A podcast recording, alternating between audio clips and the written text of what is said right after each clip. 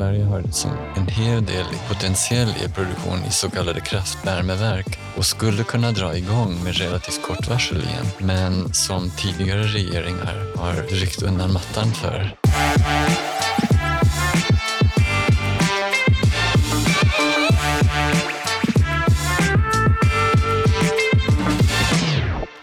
Du lyssnar på Ekonomerna med mig, John Norell, och med mig idag har jag Stefan Fölster. Välkommen hit, hur är läget? Tack så mycket, det är underbart. Ja, härligt att höra. Du är docent i nationalekonomi och eh, chef för tankesmedjan Better Future Economics. Kan du berätta, vad, vad är det för tankesmedja? Det är en slags internationell efterföljare till Reform institutet eh, som, som fanns här på plats eh, som stiftelsen Fritt Näringsliv finansierade en gång. Eh, men sen eh, efter några framgångsrika böcker utomlands eh, så flyttade jag också utomlands några år och, och då tog jag med mig mycket av innehåll och reformidéer och så till detta Better Future Economics. Mm. Och du har gjort väldigt mycket annat också. Du har ett långt, långt CV, men eh, chefsekonom på Svenskt Näringsliv har du varit och, och VD för eh, Handels utredningsinstitut också. Du har skrivit en rapport för Timbro som heter Prischocken. Ehm, lite kort, vad, vad är liksom det stora budskapet i den här rapporten? Alltså, priserna i Sverige har ju ökat med mer än 10 procent under det gångna året och för, för många av oss och det är en, en chock. Eh, och, och, och, många, inte jag själv kanske, men, men många är ändå som ganska utsatta och kanske har svårt med sina lån och bostadsrättsavgifter och så. Mm. Och i debatten om det så kommer det lätt bort att det är ännu större prisökningar som gradvis har smugits på under de senaste tio åren eller längre. Det, det, har ju varit en, en, lång period där ekonomin har gått ganska bra i Sverige efter tidigare reformer och avregleringar. Realinkomstökningar har varit hyggliga och då har det lätt, varit lätt för regeringar att smyga fram eh, en liten reglering efter den andra mm. och låta bli att ta bort några som redan fanns. Ja.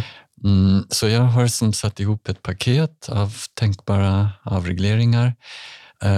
Egentligen bara avregleringar av sånt som ändå inte gör någon nytta enligt utvärderingar och, och forskning som, som har gjorts. Mm. Och räkna ihop att de, dessa avregleringar skulle kunna sänka priser med 14 procent, det vill säga mer än årets prischock. Um, inte på en gång kanske, men under en femårsperiod mm. ungefär. Hur har du märkt av själv den höga inflationen?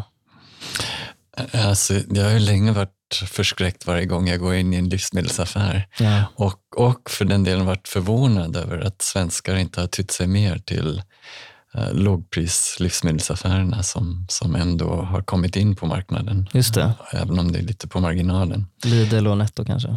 Ja, men även Willys som är lite mer i mittensegment till exempel. Um, men, men nu eh, verkar det ändå som att många, inklusive jag, börjar leta, mm. rota bland, eh, bland de som har lite lägre priser. Precis. Alltså, prisutvecklingen är ju, när man pratar om KPI och så inflation, så är det ju bara en siffra som ska summera prisutvecklingen för hela ekonomin. Men det är ju det är ganska olika i olika varugrupper och sådär. Vad, vad är det som har varit värst under den senaste tiden? Eller ja, överlag jag tror för, för, för många har det varit um, uh, energiprishöjningar, mm. både som bränslen och, och även el. Och för de som ska betala sin bostad så, så är det kombinationen av detta och räntehöjningar. Precis. Mm. Och dessutom kanske bostadsrättsavgifter som kommer att höjas. Och om vi ser ett längre tid, om vi ser, tänker 20 år tillbaka i tiden, vad är det då som man ser tydligt har varit uh, eh, hög, liksom drivande kostnader. Ja, det är väldigt intressant därför att det, det, det som har ökat mest i pris, det är sånt som, som är relativt reglerad eller påverkas av, av regleringar. Mm. Eh, som, som byggande till exempel. Mm. Eh, medan sånt som varit utsatt för internationell konkurrens och, och så som elektronik har som fallit i pris uh, ganska kraftigt. Aha. Så att det i, i ungefär i alla fall så, så bekräftar det bilden att det är sånt som överregleras som också har blivit ännu dyrare. Och vi ska gå in mer i detalj och snacka om så konkreta reformer och eh, olika områden och sådär. Men varför leder regleringar och avgifter på företag till högre konsumentpriser? Om vi bara börjar med den grundläggande frågan. Liksom. Ja, just det. det. Om ett företag får högre kostnader, eh, då kan det ju leda till en av två saker. Den, den ena är att de faktiskt går med förlust och tvingas lägga ner så småningom. Den andra är att de lyckas föra vidare, vidare kostnader till konsumenter. Så i, i princip alla kostnadshöjningar på företagen de drabbar förr eller senare konsumenterna. Mm. Och, och det gäller också sånt som till exempel byggkostnader. Det är inte bara bostäder man ska tänka på. Utan näringslivet bygger ju väldigt mycket fabrikshallar och kontor och så. Och är det dyrt så, så förs det i slutändan vidare till konsumenter också. Mm. Varför liksom eh, övervältras det på konsumenterna? Varför, eh, varför konkurreras de inte bort? Liksom? Alltså det, ibland kan företagen som kanske öka produktiviteten, och så, men, men det, det gör de ju ändå och har incitament att göra i alla fall. Så det är som empiriskt det är inte så att, att företag bara kan bestämma sig för att öka produktiviteten Nej. Eh, bara för att kostnaderna ökar. Nej. Och det är mm. klart, om det är en kostnad som bara drabbar ett företag, då, då kommer det inte påverka eh, priserna i, i ekonomin. Men, men mm. när regleringen som påverkar på liksom, produktionskostnader i alla företag, så då finns det ingen möjlighet att konkurrera bort det. Liksom. Nej, nej, precis. Och sen, så, så de enda företag som teoretiskt skulle kunna uh, liksom sänka sina vinster, det är ju de som har någon slags monopol eller mm. oligopolkraft. Men de har ju ett oligopol, vilket betyder att de inte behöver sänka sina priser. Nej. Men om vi då går in på de här olika områdena som du diskuterar i rapporten. Eh, det första är energi. Um, vad är det för regleringar som, uh, som uh, är viktiga på det här området? Energi har ju debatterats väldigt mycket nu under valrörelsen och jag mm. tror att de flesta har förstått att, att um, väldigt krångliga och långa tillståndsprocesser för vindkraft, för kärnkraft som, och, um, och annat har, har varit som enormt prisdrivande och har lett till eh, nedläggning av, av elproduktion till exempel. Mm, vilket har, har drivit på priser. Men vad, vad, kanske inte lika många har förstått det är att, um, att det också är som kortvarig elproduktion. Sverige har som en hel del potentiell elproduktion mm. i så kallade kraftvärmeverk som också kan producera el och skulle kunna dra igång med relativt kort varsel igen. Men som tidigare regeringar har ryckt undan mattan för genom eh, tre olika skattehöjningar och dessutom olika ytterligare tillståndsprocesser om de skulle vilja producera mer el. Vad är det för skatter? Som man har till exempel så har vi en hel del kraftvärmeverk som också är fjär, fjärrvärme till exempel, som, som förbränner avfall. Mm. Uh, och um, det är ett bra sätt att ta hand om avfall, en slags recycling ändå.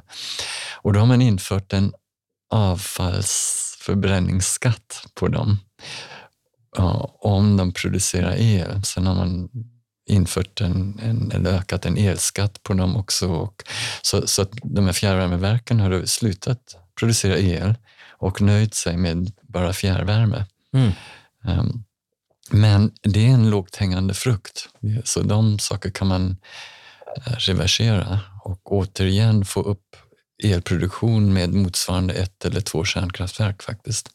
Som, som har en ganska påtaglig effekt, eller skulle ha en påtaglig effekt på elpriser. För när man pratar om så byggen av vindkraft eller kärnkraft till och med, så pratar man ju liksom i decennier, liksom, ja, 10-15 år i alla fall. Eh, hur snabbt skulle man kunna få upp eh, liksom, de här kraftverken? Ja, för kraftvärmeverken skulle gå på, några kan dras igång på en gång. Eh, några kanske behöver lite omställningstid och, och, så på ett år eller, eller två. så så det finns en väldig potential där. Ja. Och jag, jag gissar och hoppas att den nya regeringen eh, håller på för fullt att undersöka och, och sätter igång snart. Mm. Men, men hittills har inte det som uppmärksammats så särskilt mycket. Sen när det gäller vind, alltså kärnkraftverken tar ju på riktigt lång tid. Eh, men en hel del vindkraft, eh, där är det så att själva byg, byggandet tar bara två, tre år. Mm. Och resten, 10-15 år som det tar totalt, är, är också tillståndsprocesser. Ja. Och, och detsamma gäller för kraftöverföring som är en flaskhals i Sverige. Mm. Det skulle kunna gå snabbt om man eh, ja, avreglerar. Så till, tillståndsprocessen för att få bygga, överklaganden och sådär. Och eh, hur, hur kommer man då till bukt med att snabba på de här tillståndsprocesserna? Mm, Överklaganden som du nämner är en viktig del. Um, och mm, man, man kan till exempel, ja, dels kan man ta bort överklagande möjligheter i några led uh, av beslutsprocessen och, och liksom koncentrera Mm. dem till, till en, ett tillfälle. Mm, man kan också ta en avgift för överklaganden. Man kan hindra att alla möjliga organisationer som inte själva är berörda uh, överklagar och andras vägar. Och, så, det, så det finns en hel del man kan göra. Men, men sen är det också så att det är statliga myndigheter som ofta har varit boven i draman. Länsstyrelser som, um, som, ja, som sätter stopp för att de hittar någon fjäril någonstans Mm. eller, eller annat och, och, och inte sällan driver en, en egen agenda. Och, och det kan ju staten i princip komma till bukt med relativt lätt teoretiskt men, eh, och också praktiskt eh, menar jag. Men, men jag tror att även en handlingsinriktad regering är lite rädd för lokala opinioner. Precis. Ja. Mm. Eh, Du skriver också om hävstångseffekter. Det är något som trissar upp priser på el och, och bränsle. Vad, vad betyder detta? Ja, Det betyder att så som jag har räknat så är ungefär hälften av energiprisökningar eh, sånt som beror på att staten får in mer pengar när de underliggande energipriserna ökar. Mm. Det är det jag kallar för hävstångseffekter som, som faktiskt ökat statens intäkter ganska kraftigt. Och mest eh, omdiskuterat det är Svenska kraftnäts intäkter som har ökat eh, enormt mycket när det blir prisskillnader på el i landet. Mm, Men det är också moms och, och en del andra avgifter eh, som, som ökar. Så elprisen har en, en direkt effekt, men, men sen så innebär liksom momsen och elskatt och, och de här eh, kapacitetsavgifterna att det trissar upp priset ännu mer. Liksom. Ja, precis. Mm. Och, och då är mitt förslag att i huvudsak fokusera på att sänka eller ta bort elskatten. Den ska bort. Mm. Eh, och, och den har som beforskats mycket och i princip alla forskare säger att, att den, den är väldigt ehm, dålig därför att de- den fördröjer också omställningen, elektrifieringen av, av ekonomin. Så att jag, jag tycker att det, är den bästa vägen att gå. Sen, sen bo, borde ju också, så det som händer nu är att de här stora intäkterna som Svenska kraftnät gör och som de inte kan spendera på mer kabel och så vidare för Mm. på grund av de långa inst- tillståndsprocesser, att de delas då ut i elstöd, och, alltså i bidragssystem. Just det. Så det vore bättre att också långsiktigt ändra avgiftsmodellen Mm. till Svenska kraftnät eller intäktsmodellen Ah, så okej. att de, de överhuvudtaget inte ens tar in mer pengar än de faktiskt kan göra av med. Om man nu gör de här grejerna då, eh, avskaffar elskatten och förändrar tillståndsprocesser och sådär. Hur, mycket, hur, mycket, hur stor effekt skulle det få på priserna? Så det, det som jag räknar ut att det är drygt 6% sänkning av konsumentprisindex som man skulle kunna få.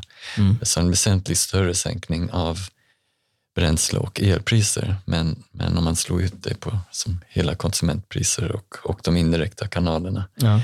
så blir det drygt 6 procent. Så, så det är en av de större posterna i min totala summa på 14 procent som, Ja. som jag vill sänka konsumentpriser med. Intressant. Ja. Det är ganska stora effekter ändå. Ja, ja, det är väldigt stor effekt. Men, men ja, jag tror att det är uppenbart för, för de allra flesta att det har varit en, en stor bov till prisökningar och också prisökningar som sprids i ekonomin. Så det som kanske dyker upp som höjda priser på tomater kan liksom delvis vara orsakat Mm, just det. av höjda, höjda EU-priser. Det är ganska dolda effekter egentligen. Mm. Mm. Eh, om man vill veta mer om elmarknaden och svensk elproduktion så har vi två stycken tidigare avsnitt från Ekonomerna som man kan lyssna på. Och eh, Energiskatten är någonting som vi har också diskuterat. Den hamnade ju högst i vår eh, topplista över de sämsta skatterna i vår podd från juni. Okej, nu går vi vidare till nästa ämne. Livsmedel och livsstil. Ehm, då skriver de förmyndarskatter. Eh, kan, du, kan du om vi nu tar en person, liksom, eh, Ulla, eh, som har liksom en hyfsat jag vet inte, låg inkomst. Hur, hur påverkas hon av liksom de här liksom, skatter och sådär?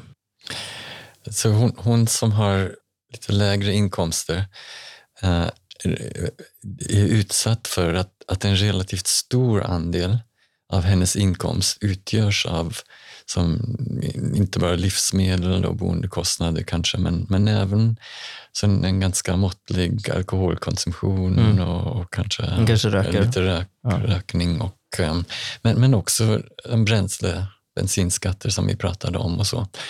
Och det betyder att hon och låginkomsttagare de, de, de är mer påverkade av förmyndarskatter. Alltså det, förmyndarskatter, det, det är sådana som, som är avsedda att påverka människors beteende som de kanske inte hade valt annars. Mm. Att dricka mindre, att röka mindre och, och sånt.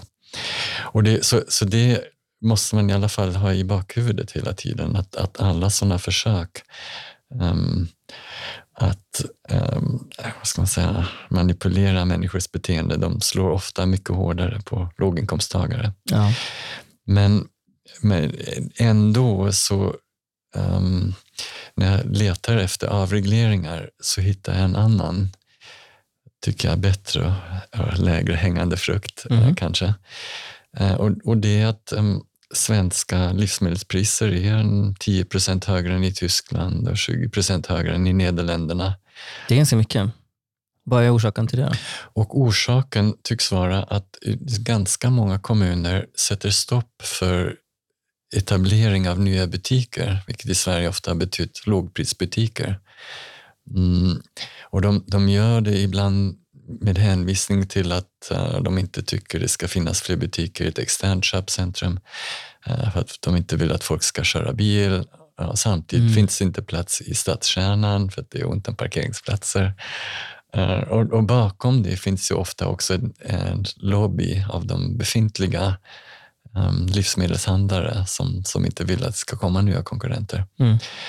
Eh, och, och det har det bidragit till högre priser, inte överallt där konsumenter kanske lätt kan ta sig till en annan kommun som, som är öppnare för lågprishandel. Men särskilt i kommuner som är lite mer off och det, det är längre att ta sig till, till lågprishandel som kanske finns någon annanstans. Men kan Och- inte det handla om, eh, alltså vi är ett avlångt land, liksom, att, eh, att det handlar om transportkostnader och sådär? Alltså, Ja, det har hävdats ibland och det är säkert en li- liten del av förklaringen. Men Mm. transportkostnader är ändå en, en mycket liten del av livsmedelspriser totalt. just det. Mm. Så att, ehm, det, man kan inte förklara större delen av potentialen. Eh, Men, men i alla fall, en, en intressant sak för att Sverige hade ju extremt höga livsmedelspriser på 80-talet jämfört med andra länder. Och sen gick Sverige med i EU som bidrog till en viss sänkning, men dessutom så införde den borgerliga regeringen då 92 ett förbud för kommuner att stoppa nya butiker eller Mm. lågprishandel genom plan och bygglagen eller det- detaljplanering.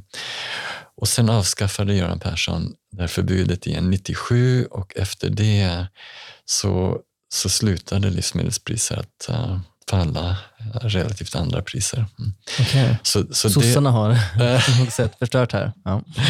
Jag jag är inte förvånad. Men eh, ja, ja, så, så det, där finns i princip en, en färdig lagstiftning. Ja. Man behöver bara plocka fram den som, så som den såg ut då på 90-talet som man kan återinföra och som skulle återigen betyda mest för människor med lägre inkomster Mm. eftersom de spenderar en större del av sina inkomster på livsmedel. Det här då, man, man hör ju ibland att så Sverige har hög marknadskoncentration på när det kommer till eh, livsmedelshandeln. Eh, det här skulle då kunna leda till mycket, mycket högre konkurrens då helt enkelt. Mm. Hur mycket, Ja, precis. Det, det både högre konkurrens Ja. men också en ändrad profil tror jag. Att, att det har Fler helt enkelt låg- varit svårt ja. för lågprishandel att hitta, mm, Ah, för de att är hitta inte etablerade från tidigare. Mm. Men hur stor effekt skulle det här då kunna få på priserna? Som jag räknar så eh, skulle kunna sänka livsmedelspriser i snitt över landet med ungefär 5 procent. Mm. Så, som är, ja, det, det är inte den största boven i landet kanske, men, men det är ändå ganska eh, väsentligt. Mm. Och, och dessutom, det är alltså i snitt. Eh, Men, men bor man i en kommun eh, som inte har en lågprishandel och kanske är lågpris, låginkomsttagare, då kan det vara väldigt betydelsefullt. Mm. Vi går vidare. Miljö och klimatregleringar. Hur, eh, hur stor roll spelar miljö och klimatregleringar för konsumentpriserna? Mm.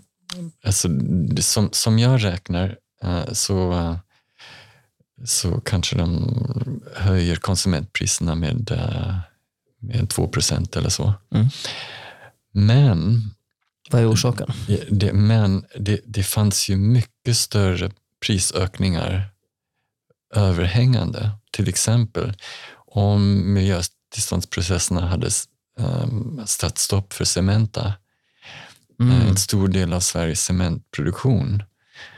Eh, Och, och det faran är inte över, utan det är bara, beslutet är bara fördröjd.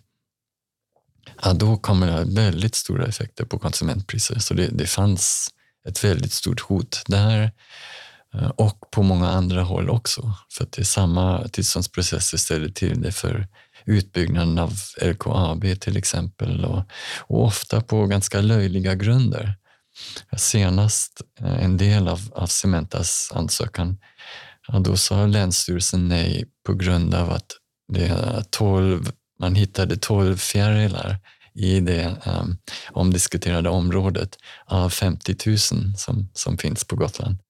50 000 fjärilar. Fjärilar av, av en viss art. Ja. Ehm, eller i, i Det förstår ju alla att det är orimligt. Liksom. Ja, borde. Men med, i LKABs fall, då var försyndelsen att man i ansökningsprocessen hade frågat alla Kirunas invånare istället för bara de, de mest intresserade målgrupperna. Mm. Så det är ofta sådana här formaliteter och så som, som hotar att, att ställa till med mycket. Men ja, så, så det, de här tillståndsprocesserna är, är en viktig sak. Eh, Men sen har jag också räknat på fem nya skatter som introducerats under de senaste åren som enligt utvärderingar från myndigheter och, och andra har noll effekt på, för att förbättra miljön Mhm. och, och är bara krångliga. Mm, och Vilka- det, det är till exempel um, kemikalieskatten på elektronik, det är som plastpåseskatten, Mm. det är flygskatten och, eh, och Kan du inte berätta till. flygskatten? Det, är- och- det, varför funkar inte det? mm, Och, och flygskatten är ju, alltså, skulle eh, teoretiskt kanske minska flygandet Mm. och, och ha en viss effekt på miljön. Men, eh, För det är dyrare att flyga. Liksom. ja. Mm. Men det visar sig att utsläppen från flyget är redan en del av det europeiska systemet för utsläppshandel. Mhm. Och, och det betyder att om svenskar då flyger mindre och, och eh, det blir mindre utsläpp, då blir det mer eh, som utsläppsrättigheter fria i Europa. Mm. Så att då är det någon annan som, som använder mer Ja. eller inte drar ner lika mycket. Så att nettoeffekten för Europa är, är Kommer precis noll. Mm. Så vi flyger mindre, men, men eh, grekerna, och italienarna och fransmännen, de kommer flyga mer kanske. Ja, inte nödvändigtvis just flyga, men utan Men utsläppen kommer... Ja, Ja. precis. Mm. Och um, ja, plastpåseskatten till exempel är, är ju um, de alternativen till, till plastpåsar, de belastar miljön lika mycket. Och, um, eh, och och dessutom är den utformad på ett sätt som, som inte tillåter miljövänliga plastpåsar. Så de hämmar också in, ja, innovation mot mer miljövänlighet. Mm. Ja, I alla fall så, så där som fem skatter som inte gav sig jättestora intäkter heller, Mm. men i alla fall är, är helt onödiga. Kemikalieskatten, plastpåseskatten, flygskatten, vad var det mer? Mm, det finns en skatt på bekämpningsmedel Mhm. um, som problemet med att ta skatt på bekämpningsmedel är att om det används mindre bekämpningsmedel, då måste det användas mer mark. I jordbruket. blir, för, Mm. för att det blir mer eh, ogräs och ofta är den marken utomlands. Så någon annanstans i världen så går en bonde och hugger ner mer skog Ja. eh, då istället.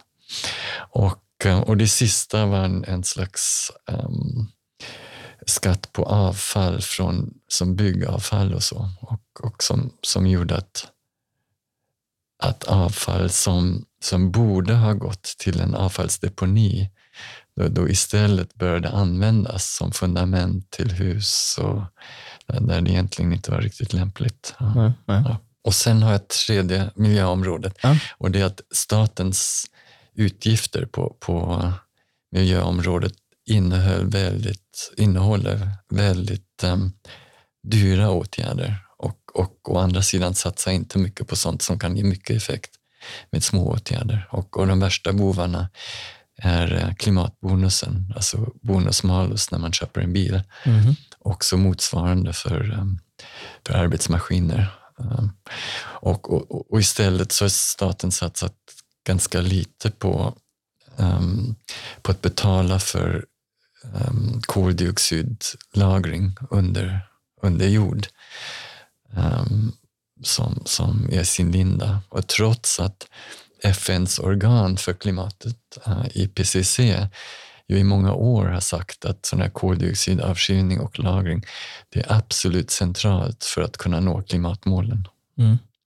Och vad är problemet med de här politiska satsningarna? Ja, så att, att mixen, dels att man inte satsar mycket på, på det som, som FN då säger att det är helt avgörande. Mm.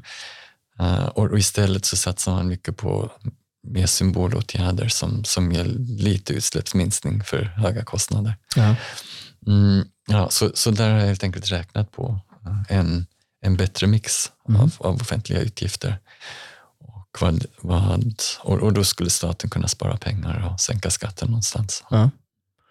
Och så hade vi, eh, det första du nämnde var tillståndsprocesser va? Mm, tillståndsprocesser med miljöskatter och statens miljöprojekt. Mm. Och ehm, hur mycket skulle kunna eh, sänkas konsumentpriserna på, de, på det här området?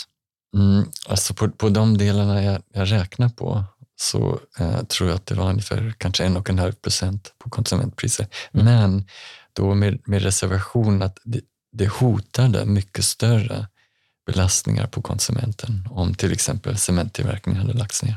Precis, det finns liksom risker att hela industrier stängs ner. Mm. Det, det, Mm. ja, Mm. det vore ja, potentiellt ännu mer katastrofalt.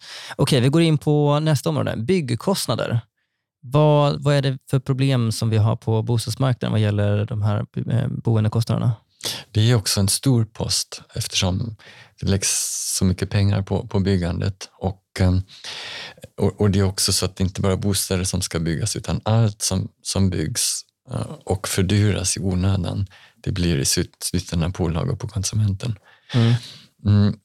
Men eh, en av de största bovarna eh, för just bostäder är, är ju um, att många kommuner bromsar markförsäljning till bostäder. En, en del vill helt enkelt inte ha med lastfolk i sin kommun.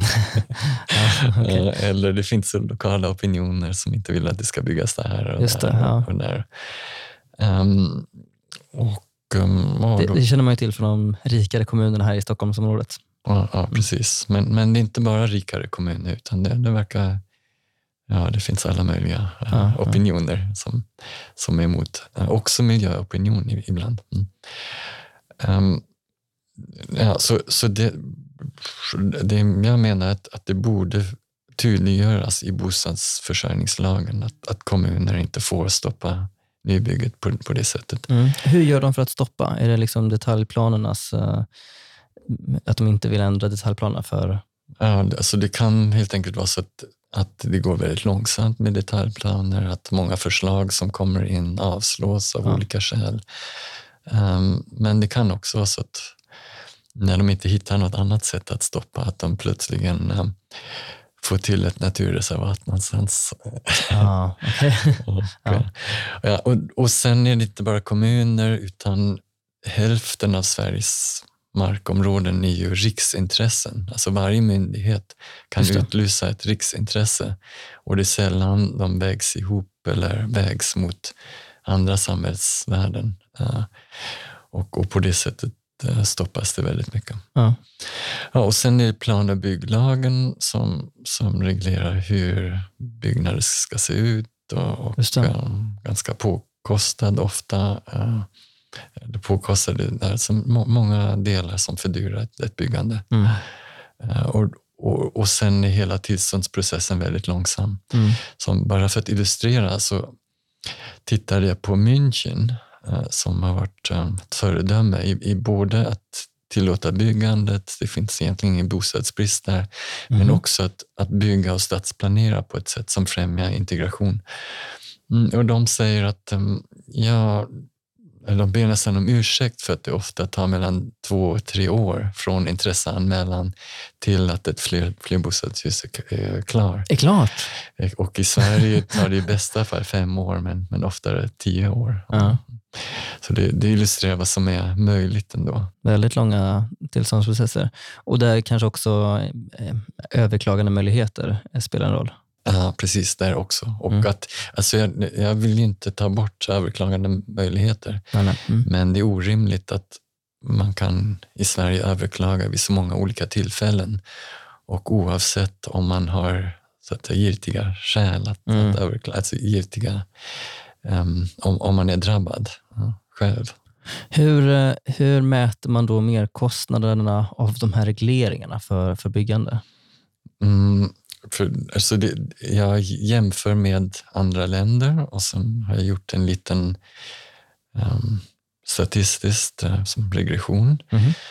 eh, där um, eh, eh, som, som spottar fram hur mycket av de högre priser jämfört med Europa, Mm. för 40 procent högre priser, som kan förklaras av um, högre löner och högre skatter och skillnad i kapitalkostnader. Just.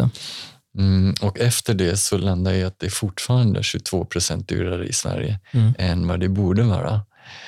Ja, så, så det, jo, och sen effekten av, av olika avregleringar, där går jag sen till olika studier på delområden som har gjorts och eh, Mm. använder dem och extrapolerar. Och, eh, så, så det är en blandning på vissa avregleringar som jag räknar på.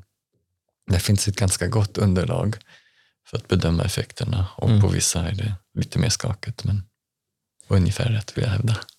Så um, hur mycket skulle man då kunna sänka kostnaderna för byggande?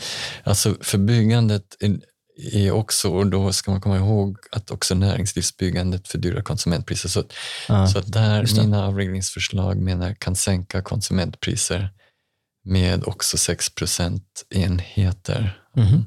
Så det är, också, den, det är den näst största um, potentialen att, Mm. att sänka priser. Och det, det kanske inte sker på en gång, eller definitivt Nej, inte på en gång, utan det, Mm. utan det kommer ju vara utspridd, men i alla fall. Ja. Okej, då går vi vidare till eh, sista området, arbetsmarknadsregleringar. Och, eh, det, du, det du lyfter fram är ju att Sverige behöver lägre lägstalöner. Eh, varför, är det här en, varför är det här någonting som påverkar konsumentpriserna så mycket? Mm, ja, kanske inte mest av, av alla fördyrande saker, men, men eh, någon procent eller, eller två i alla fall. Och, och det beror ju på att, och, eh, att Sverige har som ovanligt höga minimilöner, Mm. även om de är kollektivavtalade, inte lagstiftade. Mm, och, samtidigt som är ganska många som inte har arbete eller utanför arbetsmarknaden. Mm. Så att vi har en outnyttjad potential men löner som, som ska betalas ofta i, i det restaurangbranschen eller butiker eller en del sådana branscher som skulle anställa många eh, personer till, till minimilöner. Mm, ja, det pressar ju upp kostnader Ja. och, och i slutändan priser för konsumenter. Nu har vi ju ingen lagstadgad minimilön, utan eh, det är ju överenskommet i, i kollektivavtal.